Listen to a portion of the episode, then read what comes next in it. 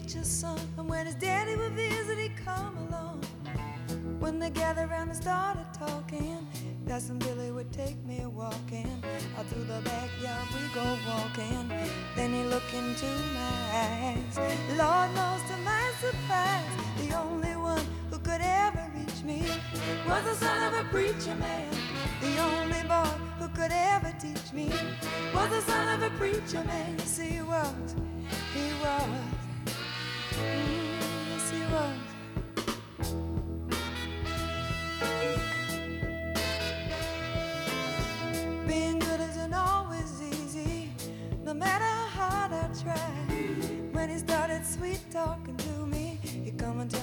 Everything is alright. He kiss and tell me everything is alright. Can I get away again tonight? The only one who could ever reach me was the son of a preacher man. The only boy who could ever teach me was the son of a preacher man. Yes, he was.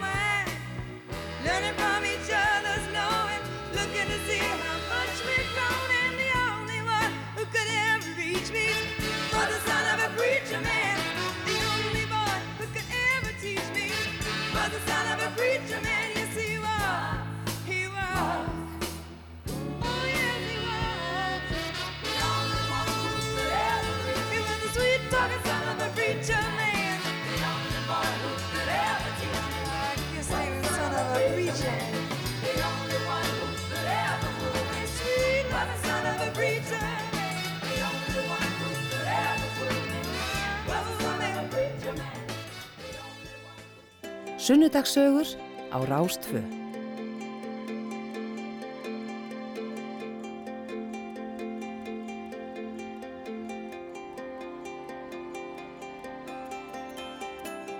Jú, komið sæl, það eru sunnudagssögurnar sem hefjast hér á Rástfö og ég heiti Gíja Holmgjastóttir, ég verð með ykkur eh, já, til þrjú í dag og ég tek hérna við af honum Jóni Ólafs eh, sem að fylgti hjörtu okkar eh, í morgunsárið af eh, ljúfri tónlist og svo hérna á eftir mér klukkan þrjú taka við þau Bergson og Blöndal með sitt tíma flakk.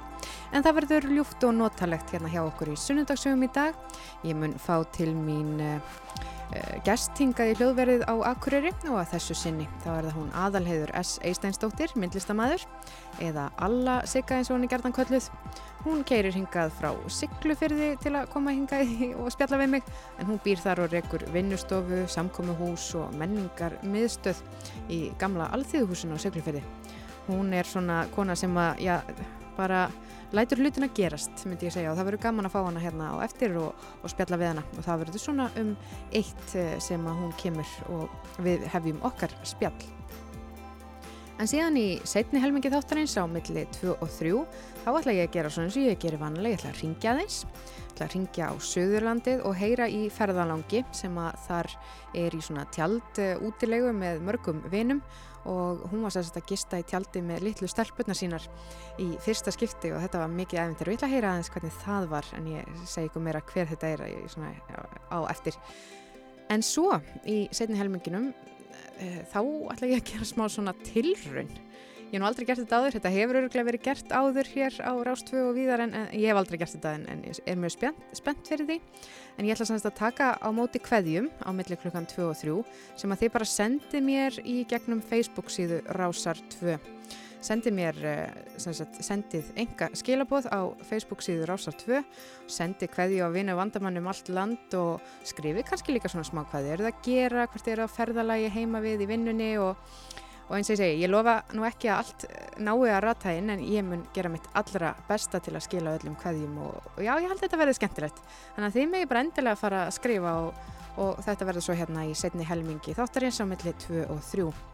En uh, áður en að hún eh, aðalheiður sest hérna hjá, mann, hjá mér þá skulum við heyra hérna smá tónlist og það er hérna Sóla Samba með þeim í gós.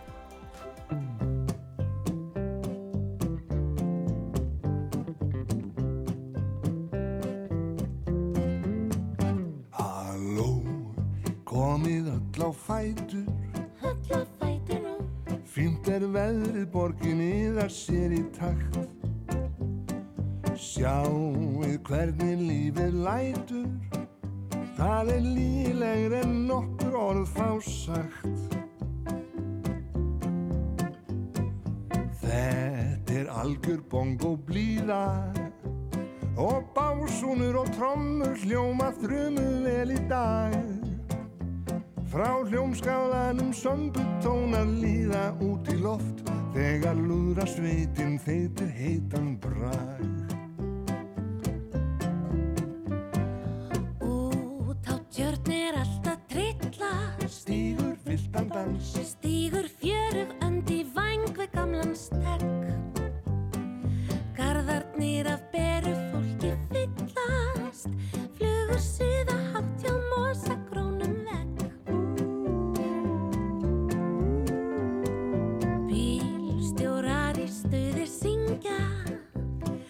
strætisvagnar taka af stað með penum sem byrjik. Kirkjugestur kátir dansar stígur presturinn í pompuna með djúpum jáðmanni. já viltu koma út að dansa, látum brúna kroppa glansa, það er sól og sumar einu sinni enn. Frá fjöru upp fjallakamba, fjöru hljóma sól og samba, dansum hratt, því annars kemur vetur senn. Á laugavegi dansar löggan samba Dansa löggur þá, og í laugunum er sungið þetta lag. fylli bittur Flórídana þamba. Full á móti býður loksins góðan dag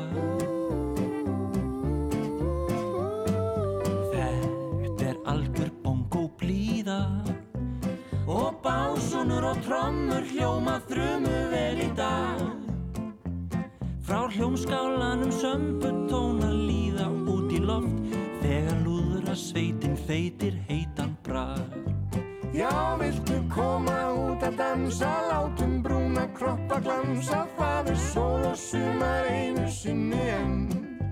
Frá fjöru upp til fjallakamba, fjöru hljómar sól og samba, dansum hratt, því annars kemur vetur senn. Já, viltu koma út að dansa, látum brúna kroppa glansa, það er sól og sumar einu sinni enn. Frá fjöru upp til fjallakamba, fjöru hljóma, sól og samba, dansum hratt því annars kemur vetur senn.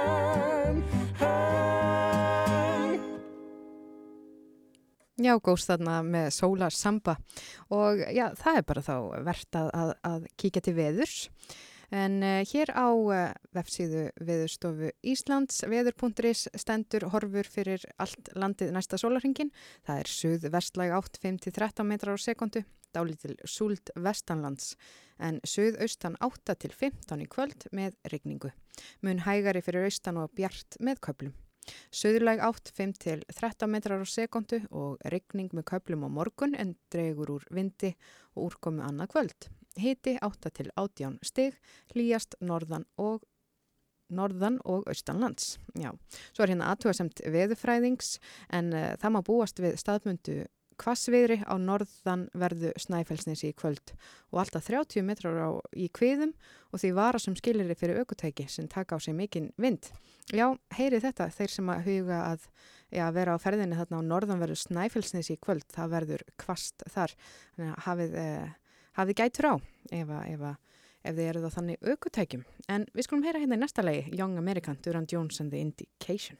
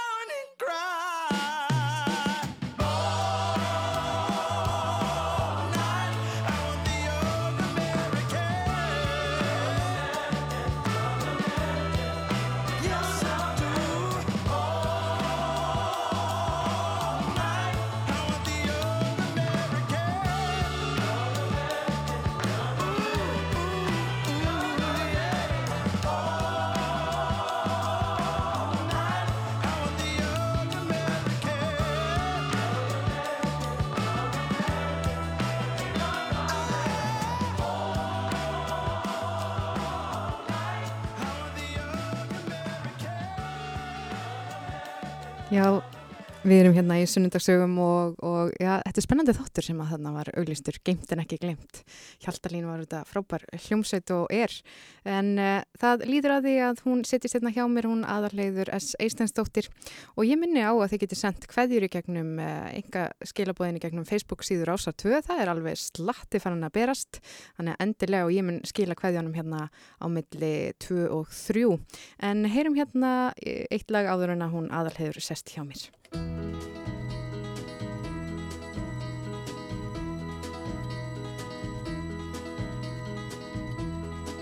Everybody's talking at me. I don't hear words they're saying, only the echoes of my mind. People stopping still. I can't see their faces, only the shadows of their eyes. I'm going where the sun keeps shining through the pouring rain. Going where the weather suits my clothes. Banking off of the northeast winds, sailing on summer breeze. And skipping over the ocean like a stone.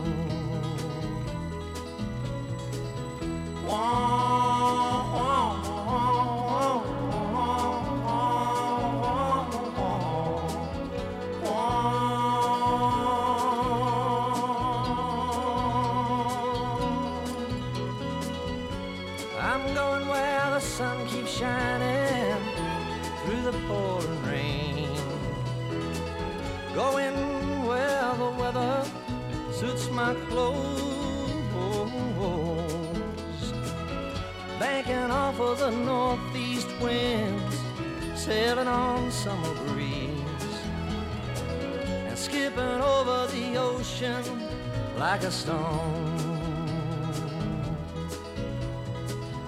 Everybody's talking at me. Can't hear a word they're saying. Only the echoes of my mind. I won't let you leave my love behind. No, I won't let you leave.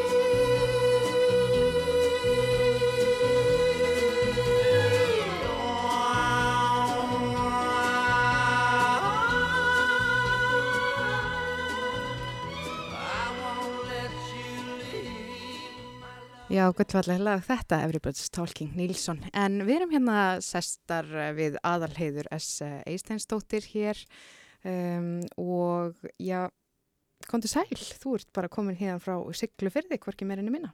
Sælublessuð, alla leið frá Siglufyrði. Alla leið frá Siglufyrði, eins og maður segir. Um, hvernig var ferðin? Það var bara indislegt. Við erum náttúrulega svo hérna, guðslegandi hamingjusum núna þegar það er fært á milli staða, Já, akkurat. loksins, Þetta hægt að snjóa. Þetta er þetta búið að vera svo, já, skrambi erfiði vetur. Þetta er búið að vera ansi strempin vetur Mm með öllu sem honum hefur fyllt. Já, akkurat.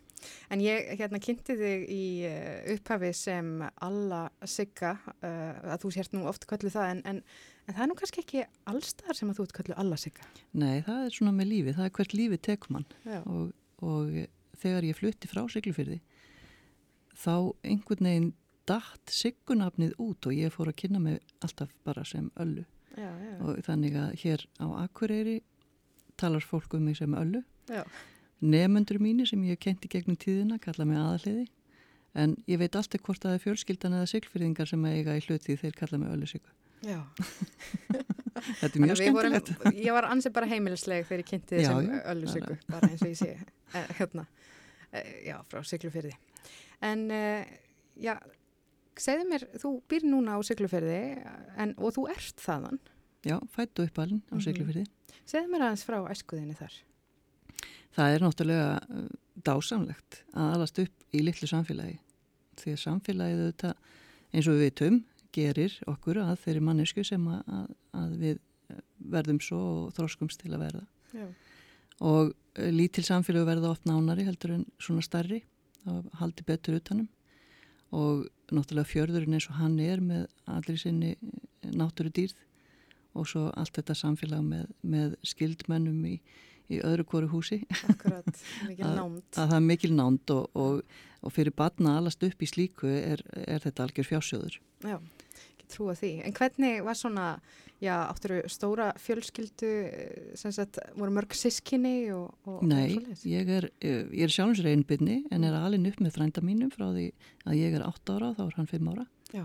og, kemur til okkar í fóstur þannig að, að, að hérna þannig að það var ekki stór sískinahópur en hins vegar uh, byggu, uh, bjó uh, móðubróðu minn á efri hæðinni hjá okkur og frænd fólki í öllum eh, nærliggjandi húsum þannig að barnahópurinn í kringum þegar, svona, þegar maður er á þessum aldri kannski frá þetta fjara, fimm, sex og upp í svona uh, 12-13 ára Já. að þetta var mjög stór barnahópur og, og mörg okkar svona uh, já, finnstu í raun og veru vera sískinni uh, þó að við séum frændsískinni því við erum alinn þannig upp í öllu á hverju meinasta degi saman í, í leiku Já, og svona matmálstímar og annað slíkt því það byggu sko á neðri hæðinni hjá mér uh, bjó ein afasýsti mín uh, hinum með við göttuna bjó önnur afasýstir og hinum með við túnið bjó þriði afasýstirinn þannig að, að uh, það var vel haldið utanum og vel fylst með öllu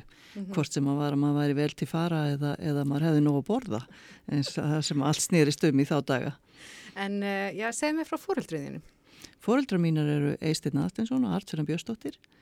Uh, uh, mamma uh, var starfsmæður hjá, hjá bæjarskristofunum á, á Siglufyrði. Alla tíð, alla sína starfstíð og uh, fæður minn var sjómaður svona til þess að byrja með og, og, og síðan uh, kom hann í land og, og keipti fyrstbúðun á Siglufyrði og, og rak hana í enn 35 ár.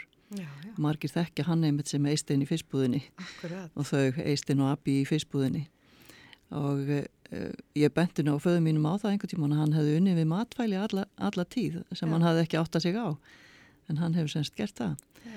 En uh, mamma hins vegar uh, mamma þó hún uh, náttúrulega vann sína launavinnu á bæjarskristónum Siglufyrði að þá hefur hún haft í raunum veru aðra svona aukagrein sem að er nefnilega alls konar handverk og, og, og svona list uh, tengdar uh, hérna, list tengd aðtæfi, við getum orðað þannig. Búa til alls konar málverk og klippimyndir og, og, og prjóna og hekla og, hluti og bánsa og dúkkur sem að hérna, Já, sem var bara svo algengt uh, já, já, fyrir konur já, af þessum eldri kynsluðum að, að, að það var alltaf verið að sísla við eitthvað, alltaf að gera, alltaf að prjóna búa til. nákvæmlega. Ég er náttúrulega svona þessi uppvakstar ár er, eru einmitt svona 60s og 70s Já, þetta er svona þessi, þessi tími sko 70 og 7. áratugurinn og, og þá var handverk og endurvinnsla mjög uh, stert element inn í öllu, öllu daglegu lífi fólks. Ég gleymi því ekki þegar var verið að hekla úr mjölkurpókonum hérna. þá kom mjölkin í svona, svona hérna, plastpókum sko sem voru svartir innan og svo voru þeir einkendir að utan með litónum uh, þú veist, grænt fyrir súrmjölkina og raut fyrir róman og þetta allt saman eins og, eins og enn er í dag og uh, konur fundu það út að, að það var bráð sniðut að klippa þessa mjölkupoka niður í ræmur og hekla út þeim. Og það voru hekla töskur og gólfmottur og eitt og annað svona úr þessum mottum. Þetta er mjög slitt, stert. þetta var mjög slitt stert alveg bara endist lón og tón. Og, hérna, og, og það var verið að, rífa niður gallabuxur og, og, hefa, og vefa úr þeim. Um, og það var, þá var eh, það sem kallað var að flosa og ríja það voru ný tækni að koma til sögunar með svona flosnálar. Já. þetta er eiginlega flott. Og, og svo var batik og það var alls konar verið að, að sísla og gera tilraunir með hitt og þetta svona í, já, í handverki og myndlisti raun og veru sko. Já, já, Og þetta er ég alveg nuffið að, að, að, að sjá og, og fylgjast með. já. Þannig að þú hefur í rauninni verið á bara og í kringum, já, inn á myndlistar vinnustofu allt eitt líf í rauninni. Já, sko í sjálfum sér að það var, Mm. líka alltaf, var líka alltaf talað um að nýta allt sinn til var alveg sem að hvort það var maturinn eða fötinn eða, eða uh, allt þetta eh, dót sem komin á heimilið með matvörum og, og, og þú veist blöðin öll og það var að gera klippimyndir og, og bara nýta, ekki að henda. Það var, Nei, það var svo mikið og stórt atriði Já. og virða það sem maður fekk og virða matinn sem var á borðunum og, og svona sem að hérna svo síðar meir kannski og við vitum í íslensku samfélagi fóru að verða svolítið mikið auka atriði og, og allir að eyða og sóa En hverfum aðeins aftur í bernskuna þína. Hvernig karakter varstu sem barn? Já, móðu mín saði að ég hef alltaf verið bara syngjandi og dansandi ég veit ekki alveg hvort að það var satt en ég held að ég hafi verið uh, ég var einfari að mjög miklu leiti Já. ég undi mér mjög vel uh, bara við já, bæjalækin og, og bara að, að búa til blómakransa eða, eða tína orma eða, eða leika mér að brunnklukkonum upp í bæjalæknum eða eitthvað, eitthvað slíkt. En hins vegar hef ég líka alltaf verið mjög mikil félagsverða þannig að ég skiptist alveg á þessa tvo kanta sitt hvoru megin. Og uh, ég til dæmis uh, uh, tóldi aldrei á leikskólanum leikskálum, þar var ég uh, sett eins og önnur börn á, á, á hérna daginn meðan móðum mín var að vinna og ég skildi ekkert í þessu hvernig í óskopunum henni datt það í huga að setja mig á leikskóla þar sem ég hafði allar þessar afa sýstur mínar í nágranninu sem að gáttu, gáttu sér til þess að væri í lægi með mig. Og ég strauk alltaf á leikskólanum. Og var búin að finna gat á gyrðingunni svona uppið fjallið og, og hérna og þegar svona öllum var hleyft út til þess að leika sér þá fór ég náttúrulega bara beint að mínu horni og, og strauk eftir fjallinu heim og, undir mér þar með, með afasisturum mínum þanga til að, mamma kom heim úr, úr vinnunni Já. Uh, Staðsett okkur aðeins, hvernig ertu fætt? 1963 1963 og já, hvernig staður var Siglufjörður á þessum tíma? Hann var auðvitað í mjög miklu niðuníslu, Mhm. það, var, það er eftir síldar árin og, og, hérna, uh, og uh, allar versmiður og allar bryggjur og allt var í, í niðuníslu. En þetta var náttúrulega ævintýraland fyrir börn. Já, Að, hérna, þarna voru, uh, við krakkarnir vorum búin að búa okkur til svona dúkubú, hefum að orðað þannig, í, í gömlu, einum af gömlu brökkunum sem að, þar voru. Og við vorum búin að týna til dót sem við fundum í hinum og þessum uh, brökkum einhverja bekki og borð og einstakar næl og sokk og einhverja könnur og eitthvað svona Já, já. dót sem hafi verið skilið eftir og þetta voru búin að sapna saman í eitt braggan en það var ekki hægt að komast í braggan nema að fara sjóleiðina. Þar að segja maður var að fara undir bryggjurnar og sigla á pramma sem við höfum smíðað sem sagt undir bryggjónum og upp um gat á gólfinu á bragganum því þessu var auðvitað öllu búið að loka svo börn færi sér ekki á voða Já, þið funduð þarna leiðir eins og þú bara út um gyrðinguna að á sjálfsögðu leikskólanum. vorum við búin að finna okkur leiðir Að til að sjálfsögðu. komast í, komast í fjársjóðin Já, en hvað ætlaður, hvað drauma hafður þau svona þarna ung stúlka á Siglufjörði? Hvað vildur þau verða og hvað svona sástu fyrir þér? sem barn eða ung stúlka ég held að það hafa aldrei komin eitt svoleiðis til ég var alltaf einhvern veginn svo sátt með tilvöruna eins og hún var á þeim tíma Mhm. og það var alltaf nóg að gera hjá mér eins og ég sagði, ég undi mér vel og, og mér fannst alltaf svo mikið ævintýri þó það væri bara að fara undir svalirnar hjá vinkonu minni Já, næsta húsi til þess að grafa þar eftir ormum eða, eða einhverju sko eða vera e, með eitthvað leindó við vinkonurnar að tala um líðandi stund eða hvað sem var. Og, og síðan komu reyndar uh, ótrúlegar manneskjur í, í bæin einmitt þegar ég er svona um nýja eða tíu ára líklega svona 73-4 þá uh, umturnaðist minn heimur tölvert Mm. því að, að það kom maður í bæin sem að var með hvítt sítt hár alveg niður að mitti. Hann var í hvítum jakkafötum og hvítum svona 10 cm háum hælaskóm. Já, hver var þetta? og, og ég leit á mannin og mér fannst þetta eins og hann væri vera frá öðrum netti. Já, þetta var Hörður Torfarsson já, hann kom til þess að leikstýra á Siglufyrði Já, og bjó e, í húsi vinkonum minnar næsta húsi hinn með göttuna og ég, fekk, ég á svont vinkonum minni fengum þann starfa að púsa skónans á hverjum degi því að, að þarna voru eiginlega allar göttur bara moldargöttur á Siglufyrði og mikil drulla og reik út um allt og skótnir eru náttúrulega heldust ekki hvítir sko yfir daginn. Þannig að, að það var það að púsa þá og gera þá hvít aftur fyrir næsta morgun. Þannig að það var mitt starf. Og að kynnast því að kæmi svona uh, óbúslega flottur og, og, og skapandi einstaklingur í bæinn ekki það að það væri ekki fyrir alls konar en þessi var alveg nýr og svona eitthvað öðruvísi heldur en við áttum, áttum að venjast Já. að það opnaði svona heiminn fyrir því að líklega væri eitthvað meira að gerast þarna út í þessum stóra heimi heldur en, heldur en að maður átti að sé á þarna sigli fyrir því Akkurat. þannig að þá fór maður að hugsa svona pínlíti út og, og, Já. og, og svona hvað væri mögulegt og, og, um, og eins í skólanum og í skólastarfi að þá fóru kennarar að koma uh, auga á það að það væri kannski einhver svona sköpun í gangi og skapandi hugsun. Og myndmentakennari minn Örlugu Kristvinsson hann lagði mikla áherslu á það að ég ætti að, að leggja þessa leið fyrir mig.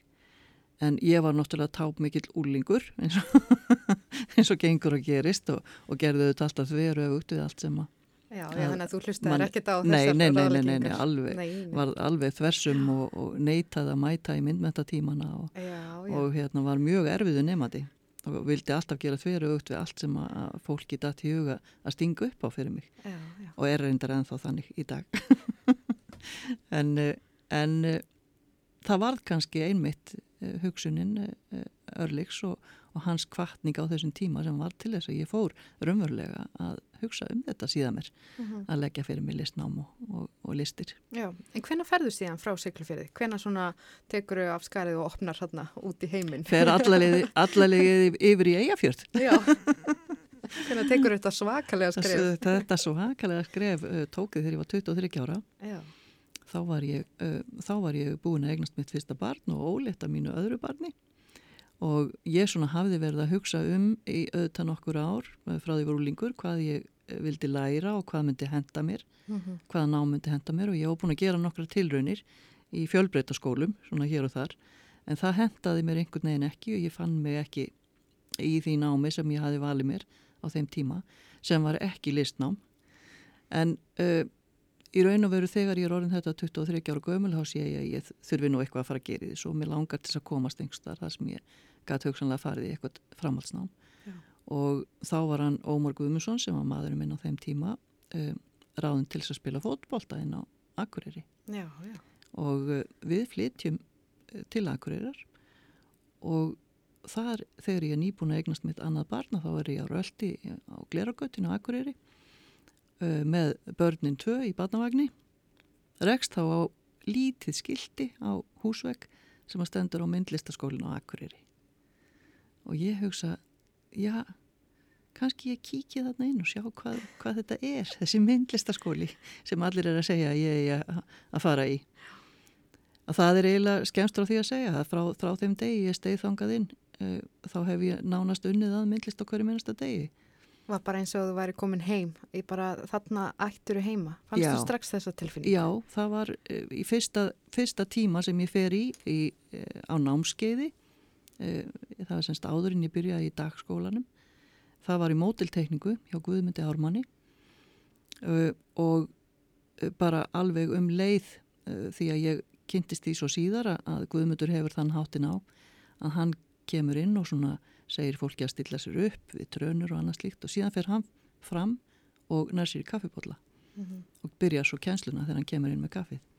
Nefna það á meðan að hann var frammi að, að ná sér í kaffibóllan, þá var ég búin að tekna mótilið sem stóð, sem stóð fyrir hjá okkur. Þannig að þegar hann kemur tilbaka þá er ég bara búin að þessu og, hérna, og, og hann spyr mér hvort ég hafi, að því þetta var byrjandanámskið, hann Já. spyr hvort ég hafi farið áður í, í mótiltekningu og, og ég náttúrulega hafði aldrei gert það áður svona, svona formlega en áttaði mig svo á því mörgum, mörgum árum segðar að, að, þetta er eitthvað það sem ég hafi verið að gera eiginlega alla æfi án þess að, að flokka það sem mótiltekningu eða flokka það sem listir. Já, já. Þú hefur semst verið bara síteiknandi alveg alla þína æfi og... Já, Já. það, það var og að horfa, það sem er Já, náttúrulega ekki hérna, síður mikilvægt í, Já.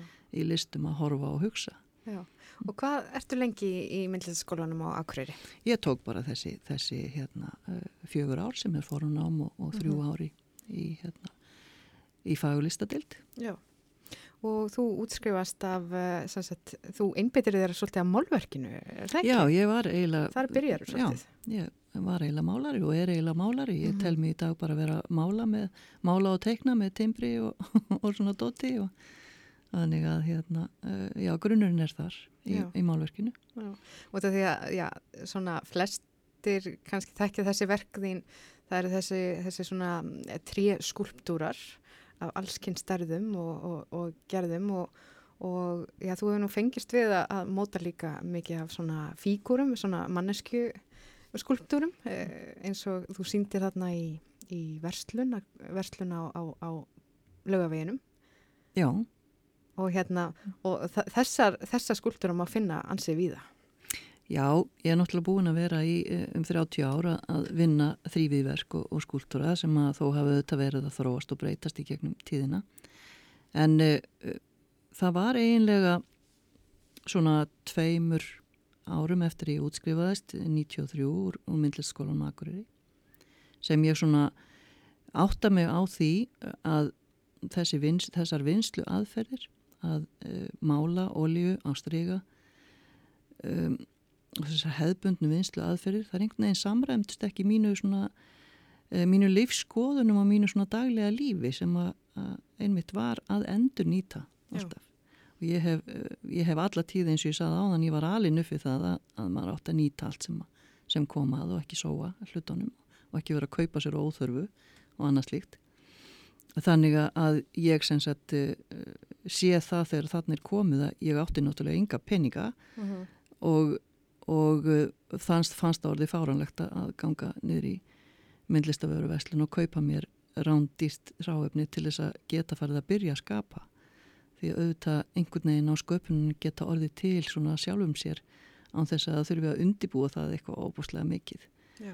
og, uh, og ég hef alltaf verið þannig að ég vil hafa einhvern veginn allt í kringum mig, ég vil hafa aðgangað öllu sem að, sem að gæti kveikt hugmyndir eða, eða hérna, hjálpa mig til að koma hugmyndir mínum á í fast form, ef við getum orðað þannig.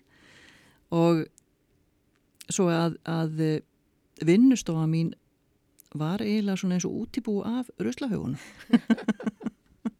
Og það var einmitt einmitt viðtalið með stórt heilsíðu viðtal við mig í morgunblæðinu stuttu eftir ég var útskrifuð á myndlistaskólanum það sem að, að hérna, uh, þetta þótti mjög merkilegt að, að, og þá erum við að tala um þetta árið sko, ní, svona 92, 93 fjögur eitthvað Já. svo leis að uh, þá þótti þetta mjög merkilegt að ég var að vinna myndlistalfarið úr svona alls konar rusli og drasli og og var tíður, tíður gestur á, á gámasvæðinu og Akureyri þar sem ég var að hýrða mér, hýrða mér dót og, og notaði einmitt eh, börnin mín eða són minn sérstaklega sem að núna er að verða 34 ára gamall maður og er sjálfur myndlistamaður Arnar Ómarsson eh, notaði hann til þess að hjálpa mér að ná í, dótið í gámanum því að ég er náttúrulega fín frú og gæti ekki verið þekkt fyrir að hérna, klifra ofan í ruslagámana til að ná í það sem ég þurfti þannig ég sendi hann eftir dótinu Já, já. Ég fæ svona, svona uh, mynd eitthvað neginn, þetta er nú ekkert ólíkt því sem þú lístir, benskunni á Siglufyrði. Börnin að búa til, uh, leita og finna og, og, og skapa gersemar úr, úr, úr svona, því sem er í nærum körunu. Já, ég held að ég held að, að mér hafi raun og veru alltaf tekist að, að halda í það og það, það finnst mér mjög mikilvægt mér finnst óbúslega mikilvægt að uh, sína hlutunum virðingu sína umhverfinu virðingu sína samskiptum fólks virðingu bara fólki almennt tilfinningum og, og, og því sem er í kringum okkur fegurðinni að sína henni virðingu. Og, og uh, mér finnst það bara mjög mikil synd þegar að, að maður gengur um gámasvæði eða, sagt, eða flóamarkaði eða eitthvað það sem búið er að henda frá sér hlutum að það fari í ruslið eða í urðun eða eitthvað slíkt allt ferlið og allt sem búið er að ganga á til þess að hlutinni geti orðið til. Þá, er, þá einhvern veginn er það hálkið skildamanns að bara að nota þetta og búa til eitthvað uppbyggilegt úr þessu. Uh, þú sagðir við mig hérna áður en að við hófum okkar viðtala, þú uh, ert mikil tónlistar unnandi, þú hlustar mikil tónlist og svona, já, notar tónlist til þess að koma þér í ákveði svona, já, þeir eru að gera bara ákveðinu hluti. Uh, og þú valdir lag. Já, til þess að hérna við spilum í, tökum okkur svona stuttlíu og þú valdir lag, segð okkur aðeins, hvaða, hvaða lag valdiru? ég valdi uh, lag með uh, Leonard Cohen Mm. sem heitir uh, You Want It Darker Já. það er eitt af svona síðustu lögum skáldsins Uh, Cohen hefur fyllt mér við sérst mitt starf alveg síðustu 30 ár og það er nánast að ég spila hann á hverjum einasta degi. Allan þennan, allan þennan tíma. Og hann er einhvern veginn uh, þannig að hann, hann kveikir í mér uh, sköpunar sköpunarkraftin og, og svona lífskraftin einhvern veginn. Það er eitthvað, það er eitthvað mjög mikil lífsorka og olga í manninum jáfnvel þó hann sé dáin Við skulum heyra You Want It Darker með Leonard Cohen og svo stuttar ölsingar, svo komum við hingað aftur og við erum að spjalla við hana aðalheiði S. Eisteinsdóttur í sunnudagsögum hér á Rástfu.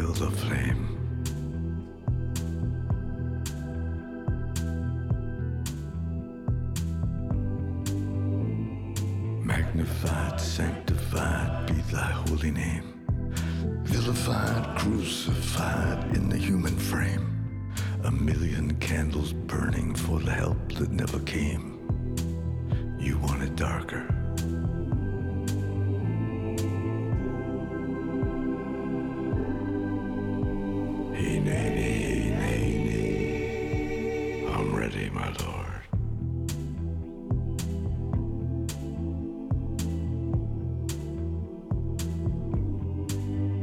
There's a lover in the story, but the story's still the same. There's a lullaby for suffering and a paradox to blame. But it's written in the scriptures and it's not some idle claim. You want it darker. We kill the flame.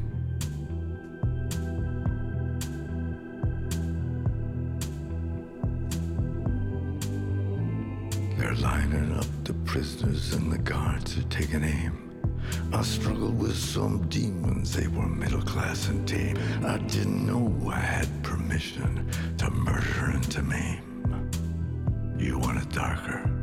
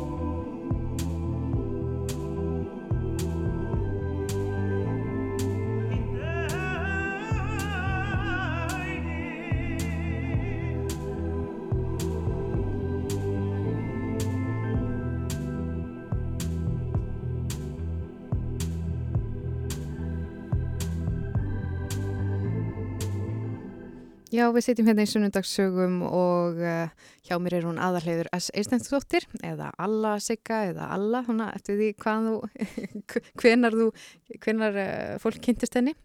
En uh, já, við vorum að ræða hérna Cohen, lægi sem að við heyrðum hérna áðan og þetta er nú alveg, alveg eðalag. Það er það. Þetta er náttúrulega eitt af svona eh, síðustu lögum sem að Mhm. mm. gefin er út með honum og ég fjall alveg fyrir því. Hann er rosalega, Alveg já, það er einhver kynorka þarna. það er alveg rosalega mikil kynorka Mhm. sem er svona, má segja bara lífsorka að- sköpunarkrafturinn. algjörlega. Já. Já, við vorum allavega ansi ánæða með hann hérna á, á meðan að hlustum. En uh, talandi um aðeins, þú fórst þarna í, í, í þinn fyrsta tíma í myndlistinni, þar sem þú teiknaðir eh, já, mótelið ansi hratt og, og þú ert greinilega svona, þú ert fljót að vinna að verkonið þínum og það er svona eitthvað drivkraftur sem að, að þú hefur. Um, en hvað er það svona sem að reykur þig áfram svona með menningastarf og þetta? Hvernig finnur þú orkuna í að gera þetta allt saman? Ég held að sé uh, hérna, löngunin til þess að- draga fram uh, það fagra í veröldinni Við, með virðingu og, og benda á hlutina að við getum sagt uh, hort á hlutina með virðingu en í staðin fyrir að, rífa niður það sem að, að, verða að gera eða, eða umhverfið eða, eða fólki í kringum okkur það er einhvern veginn ofstór hluti í, í svona almennu tali og fréttum og, og svona einhverjum flutningi sem er á neikvæði nótónum. Við þurfum meira, við þurfum meira, aðeins meira af hrósi og, og fegurð og, og virðingu heldur en, heldur en svona gengur og gerist. Já. Og uh, ég gerði það uppið mig held ég fyrir svona 20 árum að þetta væri það sem að, að mér virkilega langaði til að gera og, og, þau, og svona svo köllun sem ég hefði í lífinu að reyna að vera góð manneskja uh, því að við höfum auðvitað öll þessar hliðar, þessar góðu og þessar slæmu. Og þessar slæmu eru alltaf svo frekar á alla aðtiklina og, og uh, við sem einstaklingar hljótum að, að þurfa alltaf að, uh, einblýna á sjálfan okkur hvernig við ætlum að lifa lífinu hvernig við ætlum að umgangast það fólk sem er nálægt okkur og náttúruna og svona allt sem, að, allt sem í kringum okkur er. Og ég tel að með því að, að vinna að myndlist og, og reyna að benda á uh, fegurðina með, með sagt virðingu fyrir, fyrir manneskinni og, og dýrum og, og náttúru sé ég að uh, svona uh, koma með þá bestu útgáfi á sjálfur mér sem að, ég get bóðið fram til þessa samfélags. Já, en þú ferð ofta á svona staði sem að eru kannski höfði eitthvað tilgang en hafa kannski mist svona, uh, já, bara tilgangin eins og, já, uh, verksmiðjan á Hjalderi, uh, þú ert búin að gera upp tvö svona gömul samkomuhús, þú svona hreyðrar um þig á stöðum sem að eru orðin útundan og þú svona kemur aftur með eitthvað kraft þar inn. Jú, þetta er, þetta er kannski, þetta er ekki, með, þetta er ekki meðvitaðar, Nei. þetta voru ekki meðvitaðar ákvarðanir í, í þessum dúr eins og þú segir, en, en þegar maður lítið tilbaka þá sé ég þetta að þráðurinn í gegn er sá. Mhm. Ég var náttúrulega í myndlistskólanum að Akureyri þarna uh, 90, uh, hérna 89 til, til 93, einmitt á þeim tíma þegar að, að gilið, listagilið, uh, svo kallaða, var, að- var að gerjast Já. Og tók virkan þátt í, í svona þeirri baróttu að, að, hérna, að uh, fá bæjarfélagi til þess að leggja þetta mörgum fyrir, fyrir menningastarf og, og var svo síðan þar með vinnustofu sjálf og, og galeri og alls konar menningaviðburði í, í eh, 15 ár. Og eh, það, hefur meira, að segja- það var segja einn eh, myndlistamæður hér í landi sem að sagði um mig að ég væri líklega eina skilgetna afkvæmi listakilsins ég var búin það til sem listamæður og, hérna, og það er nú, ég hafði nú bara svolítið gaman af, því því ég sagt vann meir og minna í öllum húsónu sem að þar eru. Já. og, og uh, var tíður gestur á Kaffi Karolínu sem var blómlega á þessum tíma í gilinu en síðan þegar við flytjum úr uh, og þegar búið var að, koma gilinu svona á, á lagirnar og þarna listasafn og galleri og alls konar vinnustofur og, og Mhm. kaffihús og, og hitt og þetta, bókabúð og, og mjög líflegt og, og, og, hérna, og skemmtilegt líf að þá ákveðum við að- flytja fjölskyldan út í, í sveit í Freyjulund sem að- var gamalt félagseimili orðið dæmt ónýtt Já. Og uh, en við uh, fengum að, að kaupa þetta hús fyrir, fyrir lítinn penning þó að, að hérna að kannski sumum hefði þótt að, að það væri mjög skrítið að selja ónýta hluti fyrir einhverja peninga yfir höfuð. En við fengum að kaupa þetta fyrir lítinn penning og gerðum þetta upp fyrir okkur þannig að það hendaði sem vinnustofa á heimili Já, já, og Freyjulundur, þetta er rétt hjá Dalvík, eða ekki? Freyjulundur er eiginlega mitt á milli Mhm. Akureyrar og Dalvíkur Já. og það er eiginlega svolítið skemmtilegt að þegar að verða að ferja börn eða, eða einhverja hluti frá Dalvík til Akureyrar Já. eða öfugt þá er einmitt stoppað í innkjöslinu hjá okkur og skiptinn fara fram þar það er svona keirt á móti og, og báðum áttum og, Já, og, og mætast akkurat í Freyjulundi því það er eiginlega það er eiginlega akkurat miðja vegu Það er nú kannski upphaflega ástæðan fyrir því að Freyjulundur er það sem hann er. það sem hann er, já, nákvæmlega Samkomu þarna, staður. þarna við reistarána Mhm. og hérna, þannig að það er mjög fallegt umhverju þar og er það fallegu lundur kvennfélagst lundur sem er fregi lundurinn sjálfur og hérna búið að vera indislegt að vera þar og þegar við flytjum hann í sveitina þá kemur upp svo hugmynd uh, meðal listamanna á svæðinu að fara að standa fyrir menningastarfsemi í vesmiðinu, gömlu, uh, gömlu, gömlu síldavesmiðinu á Hjaltiri Já. og þar með Gustaf Geir Bóllason í farabróti og uh, við vorum þarna ein, einir 14 listamenn sem lögðumst á árar og, og, og reynsum þarna út og gerðum uh, versmiðuna klára þannig að hægt var að halda þar síningar og, og menningaviðburði og uh, síðan er það Gustaf Geir sem að, stendur að þessu meir og minna í dag og hefur gert undarfærin ár. Við hinn höfum svona meira farið í aðrar áttir uh, og svo aftur 2011 þá festi ég kaupa á Alþýðhúsin á Siglufyrði sem er heimil mitt og, og vinnustofa og viðburðarými í dag og það er líka einmitt eins og ég segja Alþýðhúsið, gamla félagsheimilið þar. Mhm. Þannig að, jú, ég, ég sens að treyðra um mig í gamlum húsum en það er líka, þessi hús eru auðvitað þannig að þau eru með sko stórum sölum sem að eru náttúrulega einstaklega heppilegir fyrir uh, vinnustofur og alls konar viðburði, tónleika og, eitt og annað. Já. Þannig að þetta hendar vel. Þannig að, en hvað var það svona sem fekk þið til þess að fara, já þú eiginlega bara komin aftur heim, aftur heim til Siglufjörðar. Já. Uh, var það eitthvað inn í myndinni eða þú veist, Nei, var, ég- var það stefnana? Nei, uh, ég, uh, ekki þannig en, en í sjálfum sér hafði ég einhvern veginn aldrei í huganum yfirgefið Siglufjörð. Já. Uh, hugurum var alltaf á Siglufjörði en, og því ég er náttúrulega fóruð ekki mjög langt. Ég er nú stundum gert grína að sjálfur með með það að sumi listamenn eru sko með vinnustofur svona hérna New York og Tokyo. Ég er svona eigafjörður og siglufjörður. Svona, það, maður fyrir náttúrulega ekki mjög langt. En hérna en það er alveg ótrúlegt hvað eigafjörðurinn getur verið víður og fagur þegar maður er að koma úr fjallaþrengslunum á siglufjörði þannig að, að ég hugsi fá alveg sömu upplifun eins og þeir sem eru að ferðast á milli Tokyo og, og, og New York. Er, og alltaf á leiðinni heim hvort sem maður er að fara inn eftir eða, eða út eftir. Mhm. þannig það eru sko bindislegt en uh, svona uh, en svona hlutir eru heldur ekki gerðir uh, það að gera upp félagsheimili er auðvitað, ég er ekki ein að standa í þessu. Nei, nei. Og, og eins og með vesmiðinu hjaltir þetta er hópur fólk sem að, að Mhm. hérna, allt gerir og, og þannig í listagilinu og Akureyri var þetta stór hópur fólk sem að, sem að lagðist á árar og, og, og hérna, leta allt verða að veruleika bæði, bæði leikmenn, áhuga fólk listafólk og, og svo þeir sem voru í stjórnkerfi Akureyri og bærar, náttúrulega að það Já. er að það það fólk allt saman með Þú nærði eitthvað neginn, þú ert í miklu samstarfi og samstarf greinilega, já, og virkja fólk svona, er þér mikilvægt? Já, af því að eh, eins og ég sagði áðan, virðing fyrir eh, fólki og hlutum og allir í kringum okkur eh, er mjög sterk hjá mér og mér, mér finnst mjög gaman að geta uh, dreigið svona það, það besta uh, út, úr, út úr hverjum einstakling og, og kannski skapa grundvöld og skapa svona leikvöld sem, a, sem að fólk getur komið og láti ljósitt skína því við einhvern veginn uh, það er svo oft sem við horfum fram hjá hvort öðru. Við erum ekki, við erum ekki raunverulega að horfa og við, við erum samfélagið einhvern veginn ekki þannig uppbyggt að, að fólk geti láti ljósi skína.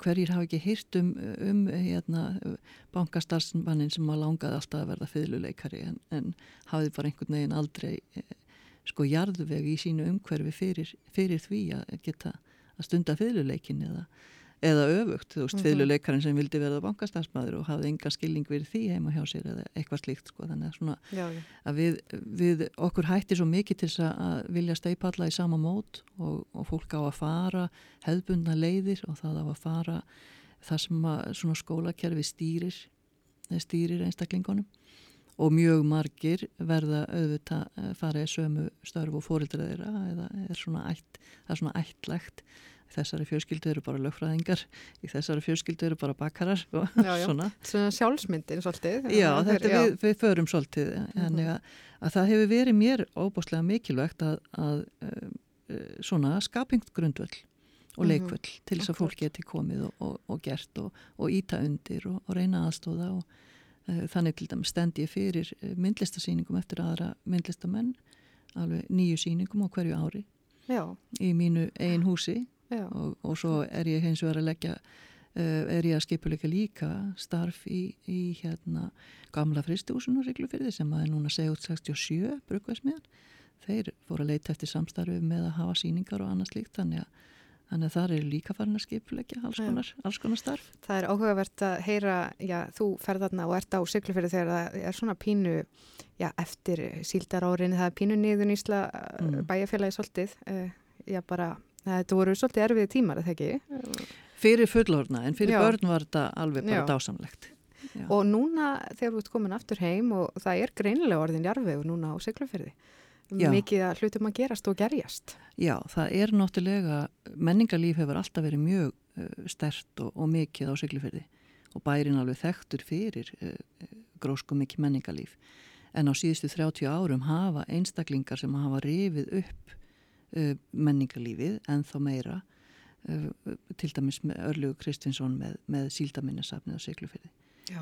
og uh, síðan hópur fólk sem að, að, að lagði sig í að, að gera það gestavinnustofur sem að kalla er herhúsið Akkurat. og svo náttúrulega Gunsteinn með Gunsteinn Ólafsson með þjóðlagasetrið og, og ljóðasetur Íslands og, og hérna uh, og svona má lengi, lengi telja allar, allar handverksstofur og, og, svona vinnustofur sem er í bænum. Og svo náttúrulega uh, hérna allir veitingastæðirnir og, hótelinn hérna og þessi stóru fyrirtæki sem hafa verið burðar ás í, í samfélagin þarna eins og Þormóður Rammi og fleiri sem hafa þrátt fyrir allt ennst og, sagt styrst í, í árana rás, gáðist ekki upp. Mm Þannig að, að það, er, það er bara svo óbústlega margt sem að, að, að hjálpa stað og, og núna í dag er þetta virkilega farið að skila sér og það er, að, að, það er virkilega farið að vekja aðtikli og, og sjást svona út fyrir bæjamörkin að þarna, þarna er eitthvað stórkostlegt að gerast og það er mikil sköpunum kraftur í, í samfélaginu og, og svona já, viðurkenning, fólk er meira að fara að viðurkenna það sem að, að nágrannin er að gera og, og sjá að það er eitthvað gott það sé ekki bara, það sé ekki bara eitthvað gott á, á mælikvarða uh, sem sagt siglufjörðar heldur er þetta eitthvað sem að, ber róður uh, fjardarins bara út um viða veröld Jú, jú.